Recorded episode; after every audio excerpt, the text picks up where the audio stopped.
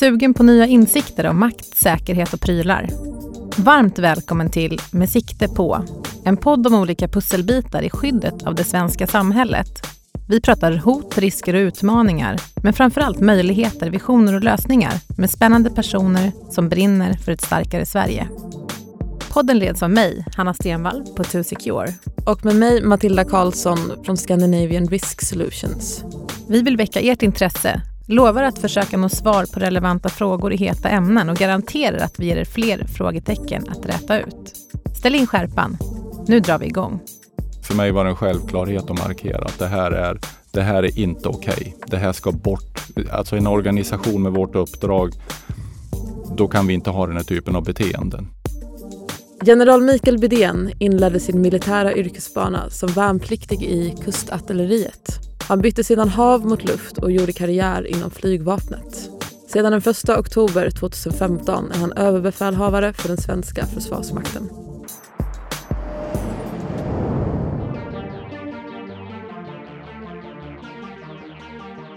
Välkommen Mikael! Tack så mycket! Du har väl i princip aldrig satt din känga utanför den militära banan. Vad var det som fick dig att fastna där? Ja, det var, ju, det var ju värnplikten om man ska vara riktigt ärlig. Jag gjorde min värnplikt och hade ingen eh, tydlig bild eller idé eller vision vad jag skulle göra. Så att jag, jag, det passade mig och jag blev kvar. Hur kom det sig att eh, du gjorde värnplikten? Då? Var det självklart? Ja, på den tiden var det ju ett, så det är klart att de eh, allra flesta av oss gjorde ju värnplikten. Och eh, eftersom jag inte riktigt visste vad jag skulle göra så sökte jag mig mot, eh, eh, mot en befälsutbildning kan man säga. För jag förstod att det fanns någonting där. Men mer än så var det inte och tanken att fortsätta den hade jag inte när jag klev in. Men jag, jag träffades av någonting, det förstår jag i efterhand. Det är ju kamratskapet och på det sätt som man bedrev den här utbildningen. Det var det träffade mig rätt hårt. Uh, unga killar som hade gjort något helt annat. Jag kom från en liten by, jag hade inte rest, jag hade gått i skolor lokalt och de hade varit ute i världen. De hade gjort saker som jag knappt trodde var möjligt när jag var i den åldern. Hur har din väg till rollen som överbefälhavare sett ut?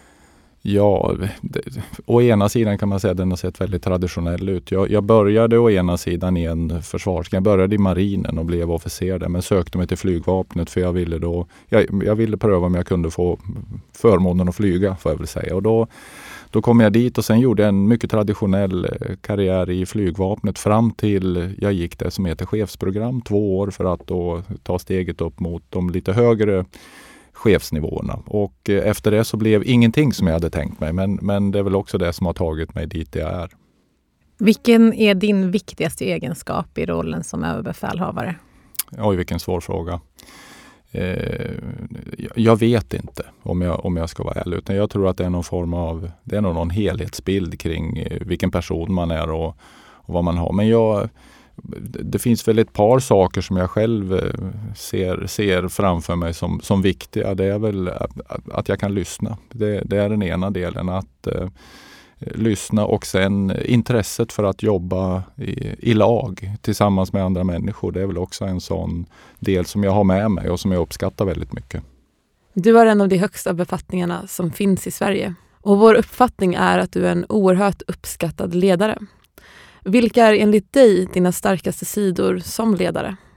Ja, och igen, det, det, det är lite svårt för mig att, att på något sätt prata om mig själv och mina styrkor. Så har det alltid varit. Jag tycker det, det, det, får ju andra bedöma. Men, men för att, att kliva in i den här rollen, vilket inte alls var någon självklarhet eller någonting som jag förväntade mig. Det, det är svårt att ha den att ha målet att bli överbefälhavare så det, det, är ganska många som blir besvikna. Utan det har ju på något sätt eh, kommit till mig. Utan jag, vad är de, eh, mina sidor? Jag, jag har alltid gjort mitt bästa. Jag har aldrig haft en uppfattning om att jag har varit bättre än någon annan eller att jag behöver vinna eller att jag behöver på något sätt hävda mig. Utan de jobb som jag har sökt, som är ganska få, men de jobb som då har som jag har fått, som jag har blivit erbjuden eller som jag har blivit rekommenderad så har jag kanske tänkt så här inledningsvis, ja men hur ska det här gå då? Hur, hur ska jag klara av det här? Men så i och med att någon annan säger till mig att gör det där,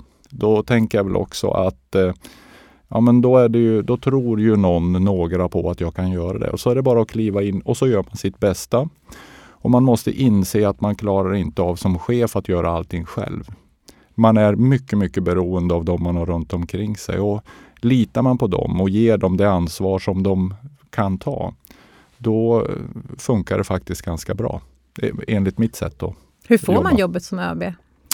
Det ska man nog fråga någon annan. Utan det är, väl, det är väldigt många tillfälligheter. Det vill säga, man byter inte den här befattningen så ofta. Och när man väl gör det så måste det ju, då måste det ju finnas så att säga i, i, som en möjlig kandidat. Då ska du ha gjort ett antal saker och du ska ha rätt förutsättningar utifrån eh, då regeringen som utser det här. Så att eh, jag vet väl inte riktigt. Jag, jag jag hade inte den förväntan när det här dök upp. Jag visste att jag fanns med i, i resonemanget och i en process och att jag fick följa den. Men jag såg ju också väldigt mycket upp till ett par, tre av mina chefer som jag hade haft som jag var rätt övertygad om att det var de som skulle få jobbet.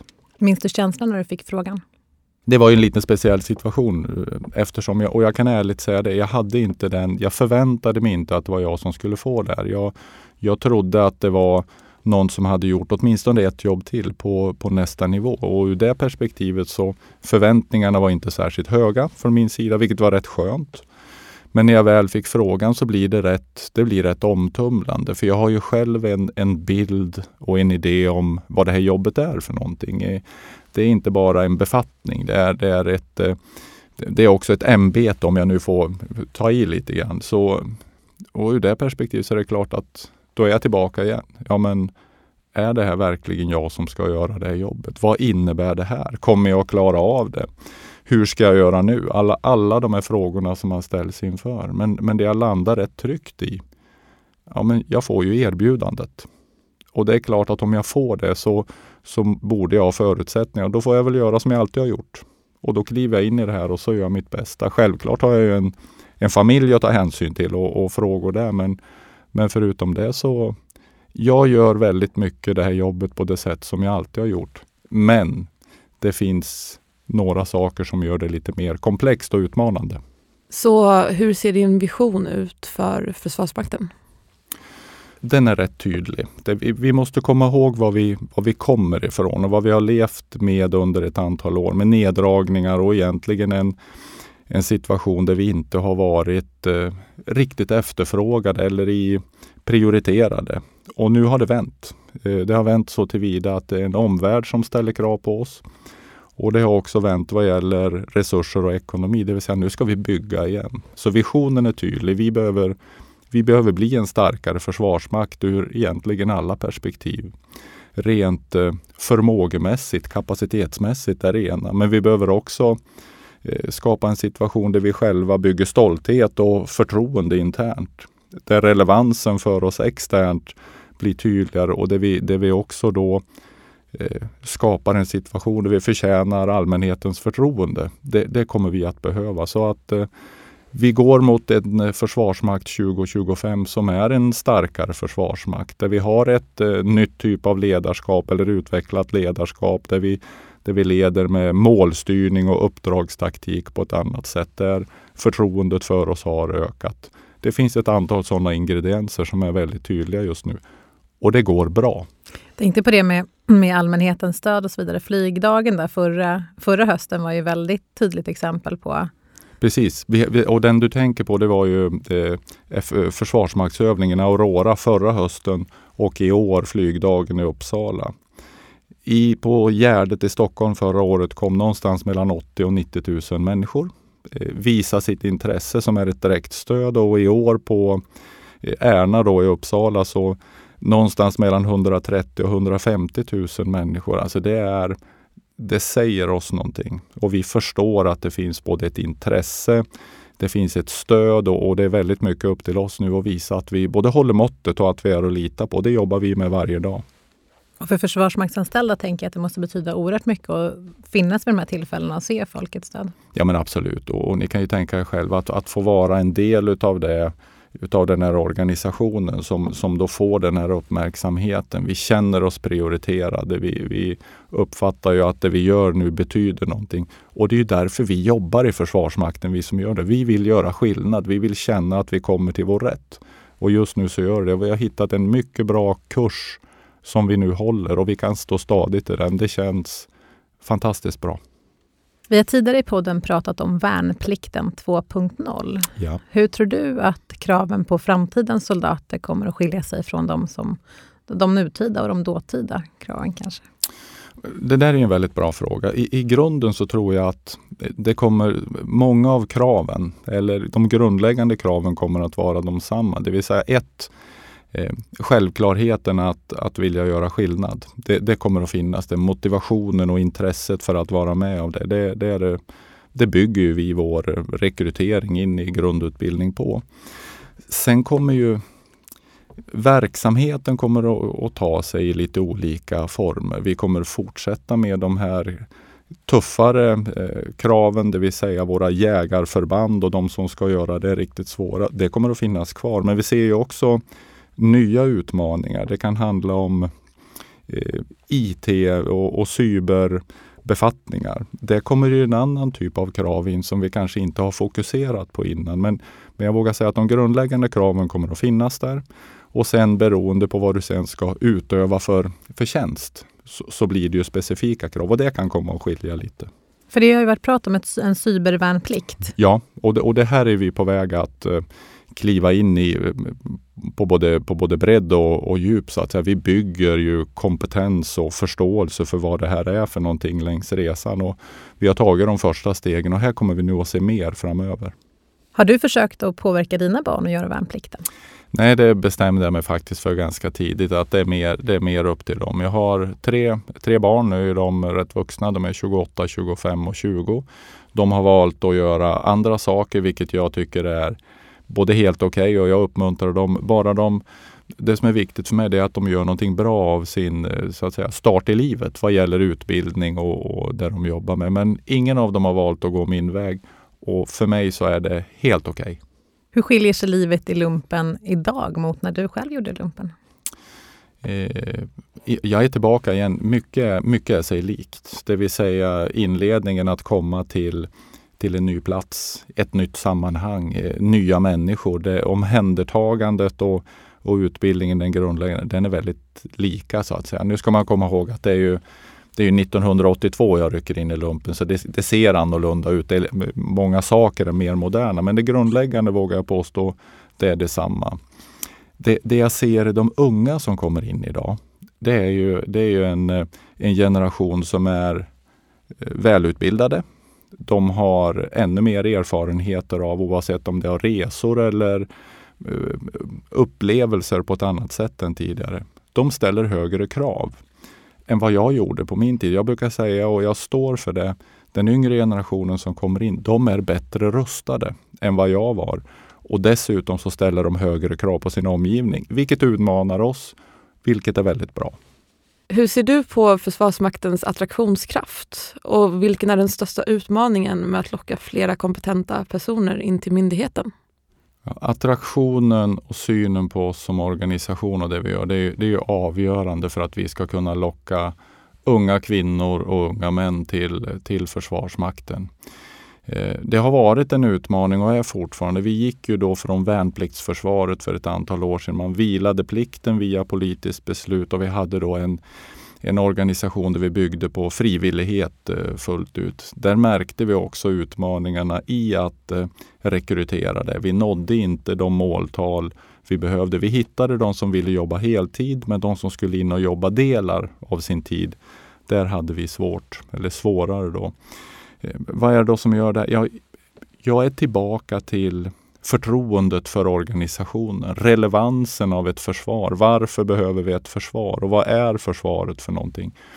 I en krympande organisation som inte ses på så många ställen längre, det vill säga vår spridning över landet har minskat. Det är ingen självklarhet att stöta på en soldat eller en sjöman eller ett örlogsfartyg eller ett stridsflygplan eller en, ett stridsfordon. Tidigare syntes vi på ett annat sätt. Vi genererade ett intresse intresset finns ju där som vi sa. Förra året Aurora och på Gärdet i Stockholm. Men på bredd har vi inte lyckats komma ut. Så jag tror att mycket handlar om eh, kampanjer där vi informerar. Det gäller att ta samtalet när vi, den dagen man går i uniform och man stöter på någon som, som är intresserad av det vi gör i det lilla. Det vill säga ta alla tillfällen i akt och prata om det vi gör. Att bygga det här förtroendet till allmänheten, det tror jag är oerhört viktigt. Vilken är den vanligaste missuppfattningen folk kan ha om hur det är att eh, jobba i Försvarsmakten? Ja, men det, det är väl den här stereotypen av eh, kanske oss som militärer som, som går runt och pekar med hela handen och, och ropar ut order kontinuerligt. Att vi, att vi, är, vi är väldigt eh, formella och att vi på något sätt är den här kanske lite mer eh, hårda eh, organisationen. Och då kan jag säga, vi är inte det. Det spelar ingen roll vad man har för utbildning. Det spelar ingen roll om man är jurist eller ekonom eller om man är eh, statsvetare eller om man har en, en annan typ av utbildning. Men om rätt sak sitter innanför bröstkorgen och eh, kopplingen till medvetandet, det vill säga jag vill vara med och göra skillnad, då finns jobbet hos oss. Och man kan jobba som militär. Man kan jobba som civil, man kan jobba del eller heltid, man kan vara frivillig i den här organisationen och få ut någonting eh, väldigt fint. Så att eh, jobbet finns hos oss. Det, det, är, det är mer en, eh, en fråga om var någonstans man vill, man vill vara med och göra skillnad. Och hur gör ni, eller hur jobbar ni för att öka mångfalden inom myndigheten?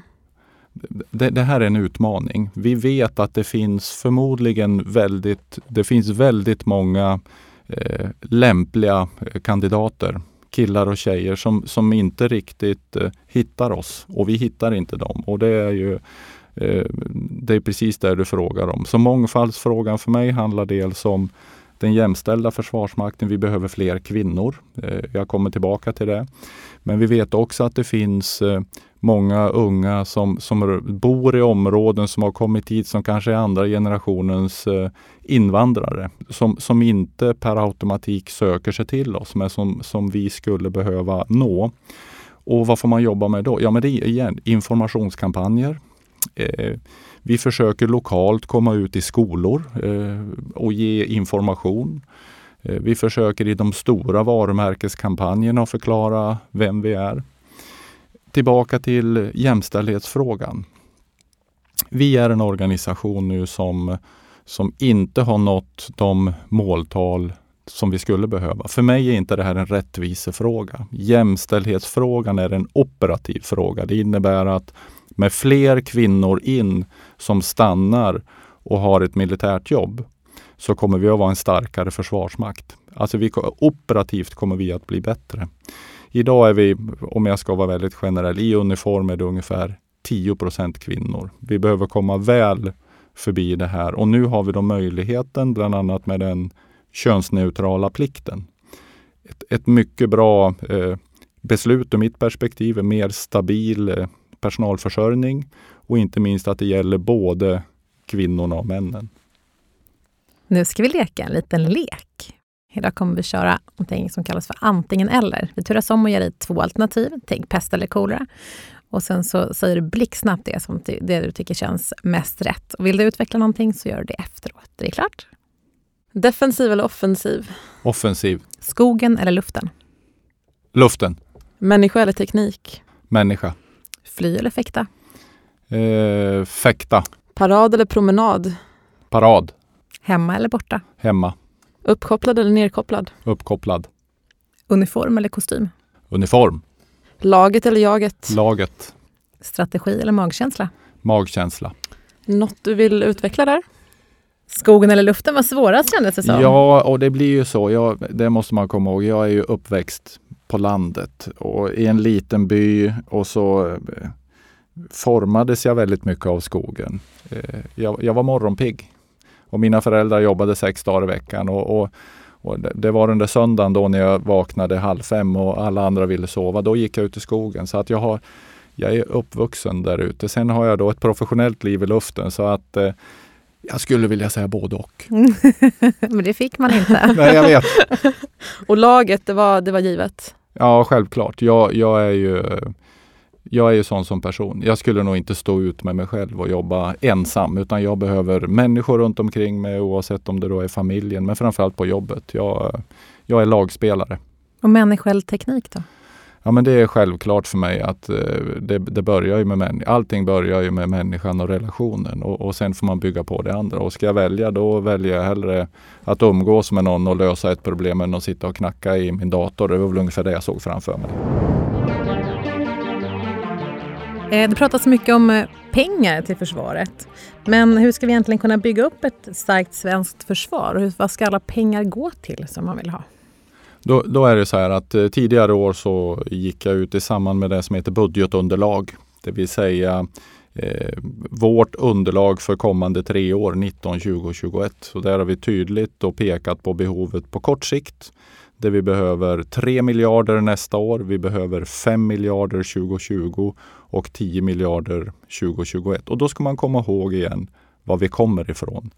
Vi bygger nu ett starkare försvar den ekonomi som har varit given, den räcker inte till för att nå eh, målet 2020 som är satt. Det har att göra bland annat med att vi inte får kompensation för prisökningar. Det finns ett antal sådana här tekniska saker, mekanismer bakom som gör att, att vi förlorar ekonomi. Men sen har vi tvingats att skjuta investeringar på framtiden. Vi har inte kunnat gå till de materiella investeringarna vi hade behövt. Då har vi skjutit det framåt och för varje år vi då kliver fram så blir det här tydligare. Så den ekonomi som vi nu har begärt, det gör att vi kan nå det mål som är satt 2020, att vi kan bibehålla den nivån efter 2020 som, som då är beställd om jag uttrycker mig så. Försvarsmakten har en stor roll när det kommer till skyddet av Sverige. Eh, men vilket ansvar vilar också på, på andra aktörer som svenska företag, organisationer och samhället i övrigt? Och hur viktigt är det att, eh, att man samverkar där? Då är det ju så här, Försvarsmakten är då en, vi, vi är ansvariga för det militära försvaret. Det vill säga, det är vi som har uppgiften att eh, den yttersta tillfället stå med vapen i hand och försvara landet. Det här kan man då, idag gör vi det med en relativt liten organisation. Vi jämför igen med 20 år tillbaka. Vi var en stor försvarsmakt med inneboende resurser. Idag finns de resurserna någon annanstans. Jag tänker till exempel på transportresurser. Jag tänker på sjukvårdsresurser. Jag tänker på möjligheten att få fram förnödenheter och, och livsmedel. Det klarar inte vi av egen kraft idag. Det, det, för att det har, vi, det har vi lagt åt sidan under den period när vi har dragit ner. Nu finns de resurserna någon annanstans och då behöver vi komma åt dem. Så stödet till Försvarsmakten inom ramen för totalförsvaret det är någonting som vi har jobbat med tillsammans med Myndigheten för samhällsskydd och beredskap. Eh, två rapporter har gått in hur det nya totalförsvaret behöver byggas och stödet, behov av stöd till Försvarsmakten. Så det här är då precis som du säger, det finns i, stödet finns i andra myndigheter. Men det kommer också att finnas i näringslivet, det kommer att finnas i kommunerna och, och på ett antal ställen. Så nu gäller det att identifiera det och egentligen teckna avtal så vi vet att vi kommer åt de resurserna. Och hur viktig är då svensk försvarsindustri för Sveriges försvarsförmåga? Det har ju varit helt grundläggande under många, många år. Man beslutade egentligen i samband med andra världskriget att vi skulle ha en försvarsindustriell bas för att trygga vissa delar inom, inom de behov som Försvarsmakten har. Och det har ju Sverige byggt på ett eh, på ett ordnat sätt. För att vara ett land av vår storlek så har vi en försvarsindustri som är eh, betydande och som också är en, en spelare på, på världsmarknaden då, idag. Det är ju inte Försvarsmakten som är huvudkund längre utan de finns någon annanstans. Så det har varit betydelsefullt. Eh, nationella säkerhetsintressen inom flyg, inom undervatten och inom ledningssystem och sensorer. Det är någonting som vi nu faktiskt har tryggat i Sverige och som, som kommer att vara viktig för oss även framgent. I oktober så kallade du representanter från 17 försvarsmakter och flera internationella organisationer för att diskutera just jämställdhet i, i militär verksamhet, det som du nyss var inne på. Mm. Eh, hur jobbar du för att få in det här budskapet i verksamheten, i vardagen, på riktigt? Ja, det är, det är en tydlighet egentligen från min nivå och genom alla ledningsnivåer, det vill säga chefer på hög nivå ner ut till förbanden. Att vi, att vi är tydliga på vilka krav vi ställer och, och informerar om vad som är viktigt och sen får man följa upp det. Och det gör man via förbandsbesök. Man gör det via de chefer som jag har, mina direkt underställda chefer. Så det är ett kontinuerlig intern kommunikation. Det är väl det viktigaste. Vad är det som gör att jämställdhet gör en militär verksamhet starkare? Jo men igen, det är relationen eh, antalet eh, män och kvinnor. Om man då eh, om man säger så här. Vi har en rekryteringsbas som är ungefär 90 till 95 000 unga män och kvinnor varje år. Nu har det varit så att under rätt många år så har hälften av rekryteringsbasen har inte vi kommit åt. Vi har inte kunnat informera eller vi har inte lyckats informera. Vi har inte lyckats attrahera kvinnorna och utav halva rekryteringsbasen så är det klart att de som är bäst lämpade att vara i Försvarsmakten finns där också. Så det är ju att hitta de som faktiskt har bäst förutsättningar att komma till oss och då är det både kvinnor och män. Det är ett perspektiv. Ett annat perspektiv, det har vi lärt oss faktiskt i våra internationella insatser. När vi hade för få kvinnor eller inga kvinnor i internationell insats i Afghanistan, då kom vi inte åt halva befolkningen.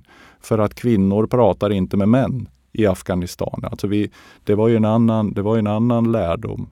Så att det har vi också tagit med oss i det här. Så att det är därför vi blir starkare och vi blir starkare ur ett operativt perspektiv. Det är ingen rättvisefråga. Du är själv i Afghanistan. Var det här någonting som väcktes då, den tanken? Alltså, jag fick nog en, en bättre insikt för det var en självklarhet att ha rådgivare nära chefen. Jag var ju stabschef där, alltså rådgivare kring genderfrågan var det. Det togs initiativ till att ha möten med höga kvinnliga företrädare från politik, från polis och från militär. Och, och det var, ja, jag blev, jag blev klokare där. Jag kom till insikt i, i delar av de här frågorna och sen har jag ju fått lära mig efterhand. Jag har genomgått eh, utbildningar hemma och även gjort det som i min nuvarande roll. Och jag kan säga att jag har fortfarande en hel del att lära. 1730 kvinnor inom Försvarsmakten gick ut i ett gemensamt upprop under metoo-rörelsen förra hösten. Är du stolt över ditt eget ställningstagande under metoo-rörelsen? Det finns väl inte mycket att vara stolt över när, vi, när jag vet och ser vilka, vilka utmaningar vi har i Försvarsmakten. För mig var det en självklarhet att markera att det här är, det här är inte okej. Okay. Det här ska bort. Alltså en organisation med vårt uppdrag, då kan vi inte ha den här typen av beteenden. Det är det första. Det var ingen, det var ingen överraskning för mig när uppropet kom. Uppropet kom som en bekräftelse. Då hade vi på nytt eh, ungefär ett år innan börjat jobba med de här frågorna igen på förekommen anledning. Så för mig blev det, för mig blev det en eh, ytterligare en, en, ett stöd och en hjälp att hålla trycket i de här frågorna. Det blev heller inte vi och dem, det vill säga mellan uppropet och Försvarsmaktens ledning. Det var snarare så att vi kunde kroka arm ännu hårdare och driva de här frågorna tillsammans. Och det fortsätter vi med varje, varje dag. Så det var egentligen resultatet av uppropet, att man fortsatte jobba ännu hårdare med det? Om man går tillbaks året innan, ett år innan uppropet, så fick vi resultatet av en medarbetarundersökning där många hade kryssat i en ruta som, där det stod Har du varit utsatt för kränkande särbehandling de senaste 12 månaderna? Flera, flera hundra. Och jag förstod inte vad det här var. Jag började ställa frågor och ju mer frågor jag ställde desto fler exempel fick jag att det inte stod rätt till. Så jag hade samlat representanter från alla förband, kvinnor från samtliga förband ungefär ett halvår innan uppropet och vi hade gått igenom det här var vi stod och jag fick en tyvärr en ännu mörkare bild än den jag hade fått efter medarbetarundersökningen. Så att vi var, vi var igång med de här frågorna och det gjorde att när det här väl dök upp så var det inga som helst tveksamheter att gå ut och markera det här inför min egen personal. Det var väldigt viktigt för mig att göra det. Men omfattningen förvånade dig inte då? Eller den gjorde det ändå trots att du hade så pass? Nej, att det var 1700 kvinnor i min organisation som som så att säga slöt upp kring uppropet, det förvånade mig inte. Upplevde du att det förvånade andra inom myndigheten? Inte då, för vi hade redan, vi hade redan börjat jobba med det. Det är säkert, jag ska inte säga, jag vet inte, men, men det blev ingen reaktionen tyder på att nej, det var inte många som, som blev väldigt förvånade. Utan det var snarare samma reaktion som, som jag själv ställdes inför. Nu får det vara bra. Nu, nu är det nog. Nu måste, vi, nu måste vi hitta nyckeln till att vi kan bryta den här trenden. Vilka känslor väckte det hos människan Mikael när det här uppdagades? Ja, men det, var, det var ju allt som har med frustration att göra. Frustration, eh, jag, jag, blev arg, jag, jag, jag blev förbannad. Jag, brukar inte använda den typen av ord, men, men så är det. det, det är, Eh, jag är, det stör mig och, och, jag blir, och sen blir jag ledsen att det överhuvudtaget ska vara på det sättet. Vi är, vi är en organisation med en, en mycket, mycket eh, svår uppgift eh, längst där framme där vi, där vi jobbar för. Alltså den väpnade striden. Vi ska stå och fatta de svåraste av beslut. Det kan vara mellan mig och en annan person. Det beslut som jag ska fatta, det jag ska skicka min personal i de svåraste av situationer. Och det går ju ner genom hela organisationen.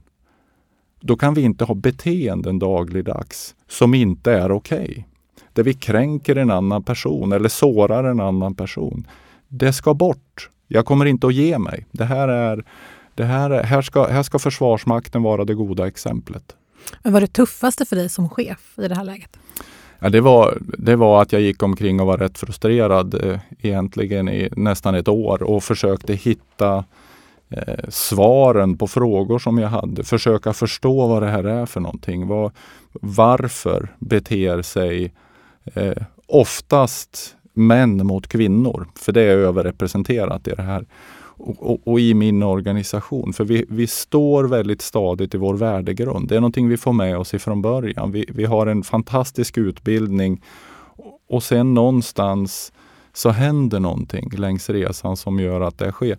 Nollvision kanske är för, för långt att nå. Det, det kan alltid det, det, kan alltid bli en situation där, där någon tar steget över men då måste man också då måste det finnas en reaktion i, i omgivningen. Om någon ser eller hör det här. Eller att man själv inser att jag tog, jag, nu, nu, steg, nu klev jag över gränsen här och så kan man be om ursäkt. Man kan lära om. Men att det pågår kontinuerligt. Jag kan inte köpa det. Kulturen helt enkelt? Det sitter i en kultur eller vad det nu kan heta. Men, men kultur är nog ett eh, bra ord. Har du redan nu märkt några stora förändringar med det här? Om du ser tillbaka på senaste året? Den stora skillnaden är att frågan är aktualiserad och att den, eh, vi diskuterar den. Vi har tagit ett initiativ också där det, då, det går att eh, rapportera en händelse, sin egen eller någon annan, på en anonym telefonlina. Det, det trodde inte jag att vi skulle behöva, men, men så är det. Så vi jobbar ju med alltså att skapa en miljö där det är okej okay att rapportera. Det är en del. Eh, Frågan är aktuell, det är nog kanske det tydligaste. Men jag fick, eh, fick en ny medarbetarundersökning och resultat i förra veckan. Här är det inte färre som kryssar rutan. Vi har utvecklat frågeställningen. Det är nog kanske den organisation och myndighet som har just nu eh, bäst eh, koll på eh, vad det här är för någonting. Olika typer, om, oavsett om det handlar om man är kränkt för lön eller för för kön eller om det är någonting annat eller vad det är för någonting. Så vi har en god uppfattning om vad det är. Men, men antalet rapporter, anmälan, har inte blivit färre.